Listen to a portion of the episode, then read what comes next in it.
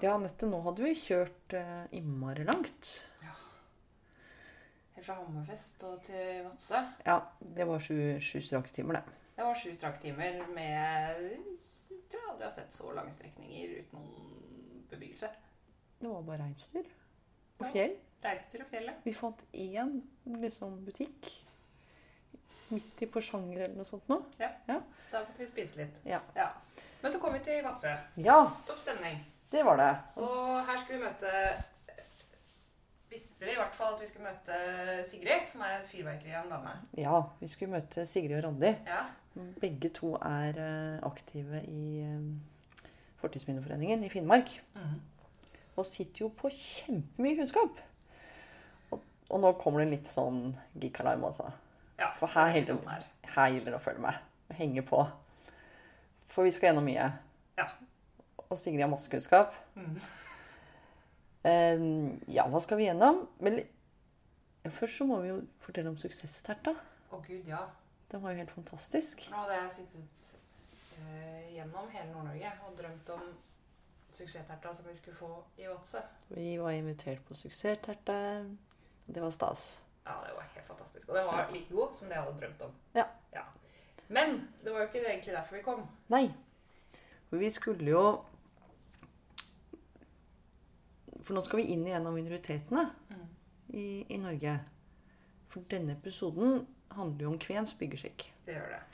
Og det handler om Vadsø Mhm. som sted og som by.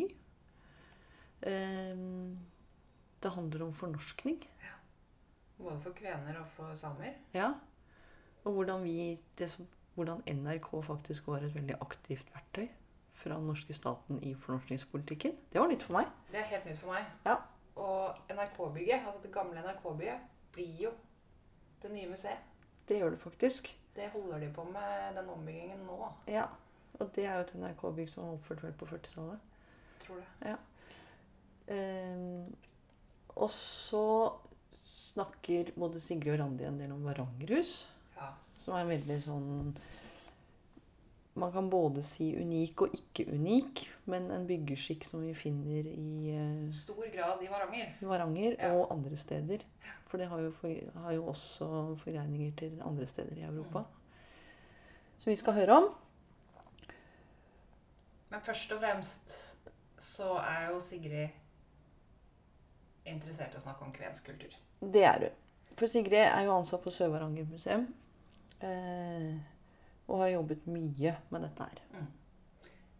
Så uansett hva vi tror vi vet om kvener i denne introen, så tror jeg Sigrid kan si det bedre. Og vi vet veldig mye mer når vi er ferdig med denne episoden. Så jeg tror vi bare lar Sigrid fortelle om kvensk kultur. Og alt det andre vi har nevnt. Ja.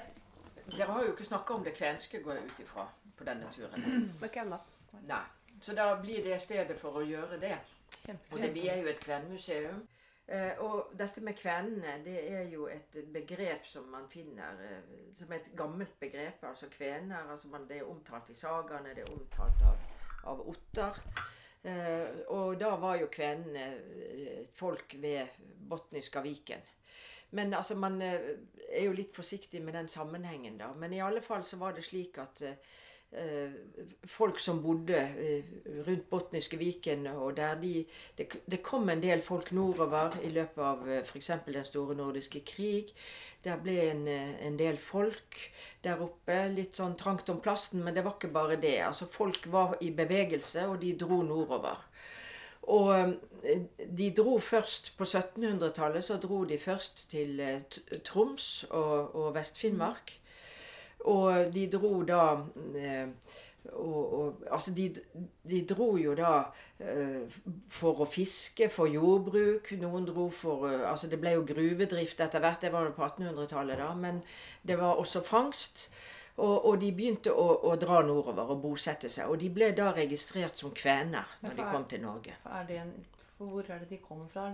Altså, de kommer fra den botniske viken. Altså, botniske Viken, det betyr ja, det er oppe i Sverige-Finland. ah, Ja, da er Sverige-Finland. Bottenvika. Bottenvika. Ja. Sverige-Finland. Ja, Ja. da er jeg med. Så de kom fra begge disse sidene og, og, og dro nordover. Og det var jo en samisk befolkning der. Og det er klart at det er litt konflikter, men den, den samiske befolkningen var jo da veldig i bevegelse. Så de var jo ikke bofaste. Men, ikke men men, de dro nordover og bosatte seg. Og det var jo da i Nord-Troms, og det var i Vest-Finnmark i første omgang.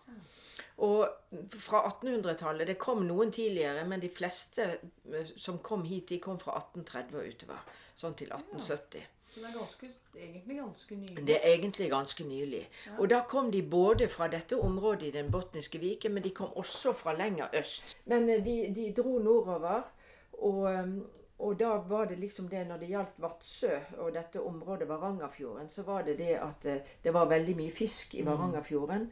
Og de sa at selv den late kunne bli rik. Og det var så mye fisk at man kunne skjære gull med tre... Nei, man kunne skjære gull med trekniv, ja. Så det var litt sånn Ja. Klondyke-tilstand? Det var sånn? Klondyke, faktisk. litt grann. Yes. Men så var det veldig mange som kom uh, hit uh, også fordi at de ville videre til Amerika. De skulle tjene seg penger for å reise til Amerika. Så det var en stor utvandring til Amerika, men veldig mange slo seg ned her. Eh, og, og når vi kommer da til etter sånn 1860, så er over 50% av befolkningen i Vadsø er av finsk Eller, eller er finsktalende, kan man si. Og registrert som kvener. Ja, 50 Eh, og, og, det var, og utover i bygdene så, så slo de seg også ned. Og da kan man si at sånn nesten annenhver bygd er kvensk, og annenhver bygd er norsk. For det kom også folk eh, fra Norge. Altså Blant annet så kan vi kjenne igjen dialektene både fra Vestlandet og, og Nordland her. Så en del, det kom også folk fra, fra kysten av Norge oppover. Eh, Men kvenene de bosatte seg i en del eh, bygder utover. Og eh, det var særlig der hvor det var, var elv. De sa at nordmenn de, var ikke så flinke å tenke sånn. Så på Ekkerøy var det ikke vann, så de måtte gå kjempelangt for å finne vann. Mens de andre bosatte seg ved elv. Men i alle fall så slo de seg ned her. og og det var fiskere. Det var jo fiske som var hovedsaken, men de var jo vant til å drive jordbruk. Sånn Ja, så de, det var en blandings... de, ja, så det ble jo en blandings... eh, De ble jo bønder. Ja.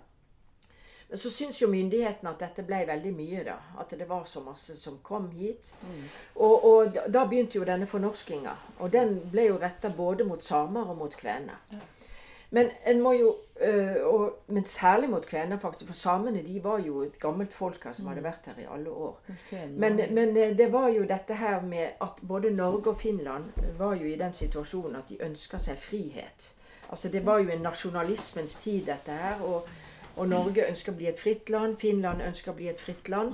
Norge ble fritt i 1905.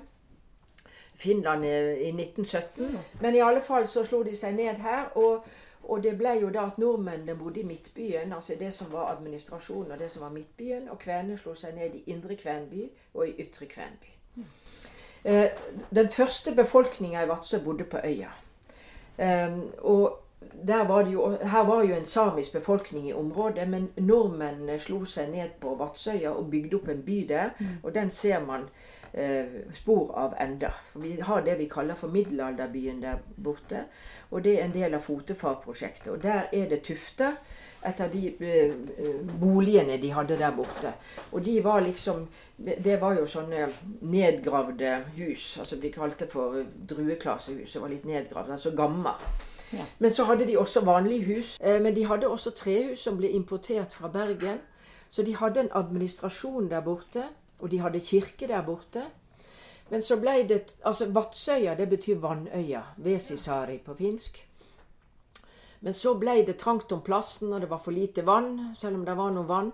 Så de flytta til fastlandet. Her var det jo mye bedre plass. Men det at de bosatte seg på øya, det er jo at fisk, og det var lært til sjøen og alt dette. Så de bosatte seg på land. Men kirka var der borte 100 år etter at de hadde bosatt seg på land. Så da måtte de ro ut i kirke i all slags vær.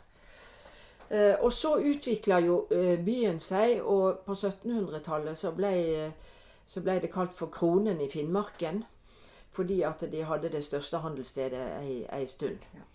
Men så var det de som eh, bygde her, da. Og etter denne fornorskinga så var det jo sånn at du skulle egentlig ikke få lov å kjøpe jord, eller du skulle ikke eie båt hvis du ikke var norsk statsborger. Du skulle beherske norsk.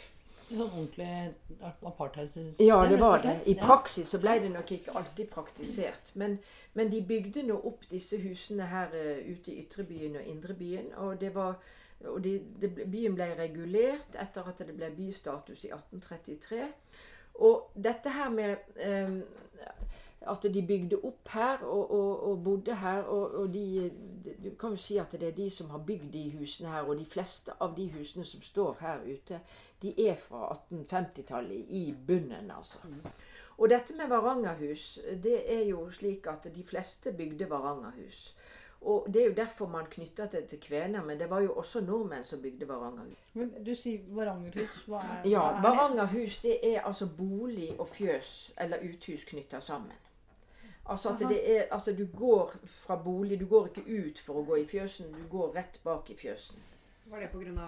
værforholdene, kanskje? Altså, Det kan nok være en grunn til at det ble så gjennom... Det var veldig gjennomført her. Mm. Og når dere kjører til Skallelv, så bør dere kjøre ned i Skallelv og rundt. Der er det bare Varangerhus. De står den dagen der. Og nå er uthusene eh, De var jo fjøs helt mange 70-tallet, men nå er det jo de fleste blitt noe helt annet. Altså De er bod, de er TV-stuer, altså de er et eller annet. Men vi mener inspirasjonen kommer fra Karelen. Og den kommer ikke fra Finland. Det fins ikke der. Og det er mest her i dette området i Nord-Varanger. Og det fins brettehus andre steder, men det er derfor de kalles Varangerhus. Andi, du kan, kan du si noe om det? Var jo like mye en kulturell måte å gjøre det på. Ikke så mye begrunnet i, i været. Kanskje folk tror det, men eh, de bygde jo slike sammenbygde hus sørover i Karelen. Og jeg har jo vært på befaring i Nord-Tyskland. Der er det også sammenbygde hus. Sånn at det, det handla om uh, hva de kulturelt hadde vent seg til å gjøre, da. Tenker jeg. Og her hadde de jo, som Sigrid Eh, beretta denne kontakten ikke sant, med, med Karelen. Og vi er, når vi har vært på besøk i, i Karelen og Kvitsjøen Der er det jo masse landsbyer, sånn som vi har her, da, som vi kan se litt på. Ja, for Kvitsjøen, hvor, hvor, er det? Det er jo første hav i Russland. Det er første hav i Russland, ja. ja. Altså sør for Kolahalvøya. Ja, så går Kvitsjøen inn. Mm. Den går inn der. Og der er masse bosetting rundt, rundt det, det Mm. Den, eh, det, det, havstykket, da. Uh, og de er organisert i sånne, sånne, landsbyer, som vi kaller det. Mm. Og der er det fullt av disse her husene. Altså sammenbygde hus. Varangerhus kan vi jo kalle det herfra, men, men det kalles uh, kombinasjonshus da, på fagspråket. Altså de er bygd sammen. Og det, det fins en del forskning også i Russland hvilke typer man hadde. Og her har vi jo en forskning som eh, Håvard Dahl Brattrein gjorde på 70-tallet. Da han registrerte her og typologiserte det til fire forskjellige typer. da. Og så de, de forskjellige typene. Altså, så Type 1 det er den hvor du har en lang sak. Mm. Altså hvor, hvor, gavlen stikker ned mot gata, eller mot elva, da, som det gjorde stort sett i Russland. Mm. Og så blir det en lang sak. Mens dette her, de fleste her de er type 2. Og da har du et bredt hus mot gata, og så har du en smal eh, fjøs bak. Ja. Vi kan se på noen her. Noen er nå litt forandra, men man ser jo prinsippet iallfall. Og så har du nummer tre, var, hvor de var en lang sak eh, bygd sammen. Altså mm. hvor de var to lange hus. Mm. To selvstendige kropper. Liksom. Vi, har, vi, har, vel den utstillinga her ute. Den henger på veggen her. Og så den siste, der var det en gang imellom. Eh, bolig og fjøs. Ja. Og dere vil se alle disse typene i, i Skallelv. Altså. Det er mm. fantastisk. Illustrasjon av Skallelv har jo vært et, et studieområde for dette her. Men, eh, men, eh, dette her med Og nå er vi jo opptatt av at de skal ta vare på disse Varangerhusene. nå har det vært revet en del. Dessverre. Det ble jo revet her et, uten videre. Og vi maser jo på kommunen at nå må de være bevisste på at de ikke gjør dette her. At de, at de bygger At de reparerer de og, og sånn. Så, så, det er det. Men når det gjelder her, da, så kan jeg jo si denne familien her. Så var det en familie som het Vinica, som kom hit. Og de kom altså da fra eh, fra Sverige, eller fra den, det som er i dagens Sverige og nordover. Men den familien de ble litt spredt, men noen av de dro til Amerika. Og de har faktisk vært tilbake her fra Amerika for å se. Mm. Eh, altså etterkommerne, selvfølgelig. Eh, og så ble dette huset solgt til Espensen, til handelsmann Espensen. Og han leide det ut. Han var liksom den store handelsmannen. den sto, han var den store handelsmannen i dette området. Det var jo flere handelsmenn, men Espensen har altså vært her siden 1789.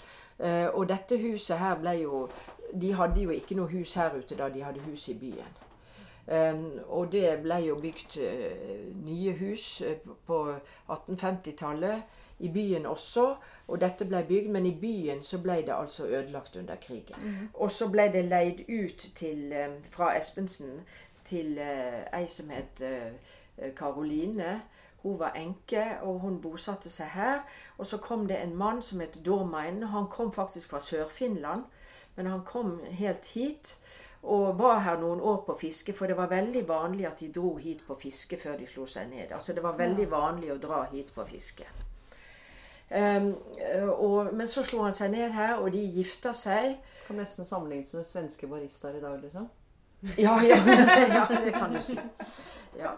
Nei da, det var veldig De dro nordover om våren på fiske, og så, dro, så gikk de hjem igjen om, eh, om høsten. Eh, og så eh, gifta de seg, men det var hun som kjøpte huset her, fordi at hun var norsk statsborger. Så det har vi altså bevis på at det var hun, Ida Dormein, som kjøpte huset. Nei, Karoline, mener jeg. Dormein. Ja. Og hun hadde tre barn fra før, og så fikk de, de, de fikk tre barn. Og to av de ble boende i huset her. Og de gifta seg ikke, sånn at det var ingen etterkommere etter de. Så når de døde, og de hadde jo da sagt at de ville at det skulle bli museum her. Men her er det sånn som det var. Jeg kan jo si at dette er jo et finere hus enn de fleste hadde. For her var det jo den Det er jo sånn som det var da de døde. Altså med denne tapeten og med disse møblene. Og vi, det eneste vi har laga en utstilling der inne, der var det et sånt kammers. Men soverommene deres står intakt, sånn som de var. Og så var det jo Jeg må jo si litt om dette med kvener. For etter fornorskinga så ble det for mange veldig negativt å bli kalt for kven. Det var et skjellsord akkurat som det ble kalt finn eller, eller lapp. Uh, og det ble et skjellsord for mange, og mange føler det den dag i dag. Og de vil ikke kalle seg for kven, de vil kalle seg for etterkommere etter finske innvandrere, eller de vil kalle seg for norskfinner. Så derfor heter det kven skråstrek norskfinner. Og det skal vi bruke. Men en kan si det at det er litt sånn generasjonsbetinga. Altså de yngre i dag de bryr seg ikke så mye. Men det er veldig mange som har den nedarva følelsen av at dette med å bli kalt for kven, det er så negativt at det vil de ikke. Um, og så har vi jo, ble det jo da museum her. og og man tok jo vare på det som var her. Og eh, først var den resten av familien her veldig negativ til at de hadde gitt det til museet. Men eh, det, har, det har gitt seg etter hvert. De ville ikke gå hit, de ville ikke ha noe med oss å gjøre osv. Men nå, nå, går veldig, nå går det veldig bra med det.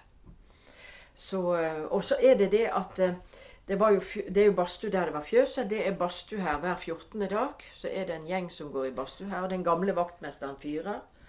Nå har det vel vært stopp siden korona, for de har vel ikke fått gå nå. Men, eh, og så baker vi i bakerovnen, og vi har bakt mye mer tidligere enn det blir gjort nå. For nå har man så mange steder å konsentrere seg om. Men vi har laga middag der om høsten. Bakt eh, lammesteik eh, om høsten og laks om våren. Og, og brød i bakerovnen osv. Så det er masse aktivitet her. Ja. Ja.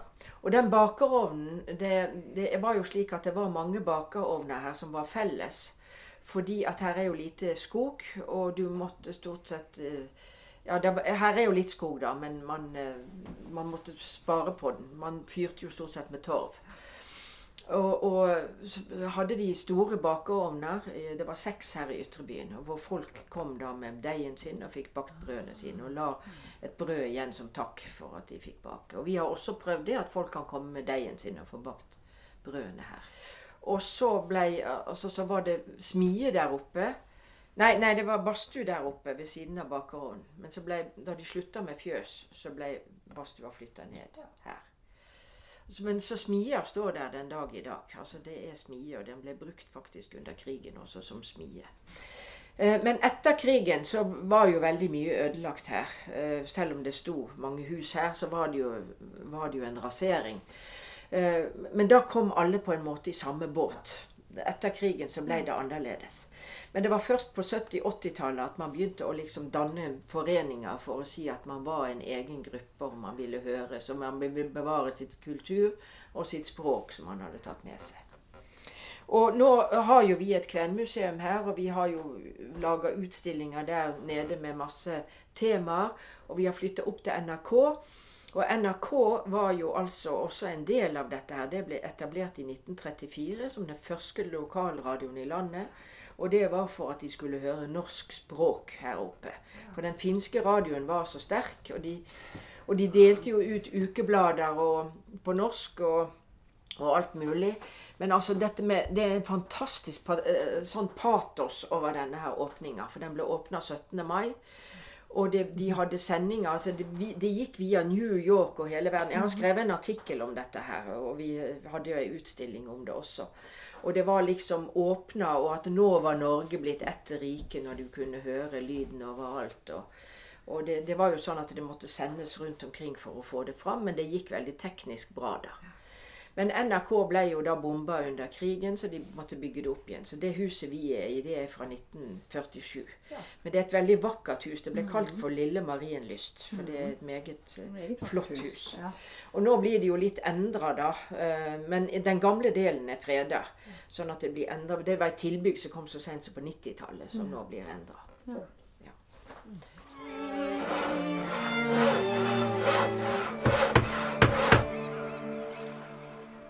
Ja. Fy. Det er kjempeinteressant. Utrolig interessant. Ja. Altså, i denne episoden her har jeg lært så mye. Du er blitt veldig klok. I den samtalen der så lærte jeg også så mye jeg ikke visste om fra før av. Ja. Eh, og så fikk vi også nok en gang demonstrert litt dårlig kunnskap i geografi. det er, men det er jo litt gjennomgangs... Det er litt gjennomgående, men Ja. russisk geografi må jeg ærlig innrømme, det er jeg veldig dårlig på. Ja. Og hva som er gamle Finland, og hva som er nye Finland, og hva som er gamle Russland, og hva som er nye Russland. Og Mhm. ja, det Helt sjanseløs. Så, men dette hadde jo Randi og Sigrid stålkontroll på. Ja, heldigvis. Ja, så da lærte vi litt om det også. Men vi skal bli her, i det rommet som vi satt i. Ja, fordi vi skal snakke mer med Randi. Randi er jo arkitekt. Randi er arkitekt og jobba mye i Vadsø, blant annet. Og dette har vi gleda oss til. Veldig. Dette blir neste episode. For nå har vi kjørt gjennom Nord-Norge, sett veldig mye gjenreisningsarkitektur. Mm. Og her skal Randi fylle opp på kunnskapslagrene våre Det blir veldig spennende. neste episode. Om hus og folk er et samarbeid mellom Fortidsminneforeningen og Bygg og Bar. Jeg heter Anette Ramstad. Og jeg heter Mathilde Sprovin. Følg neste episode der vi drar videre i Norges land på jakt etter spennende hus og folk. Neste stopp er Vadsø by. og gjenreisning.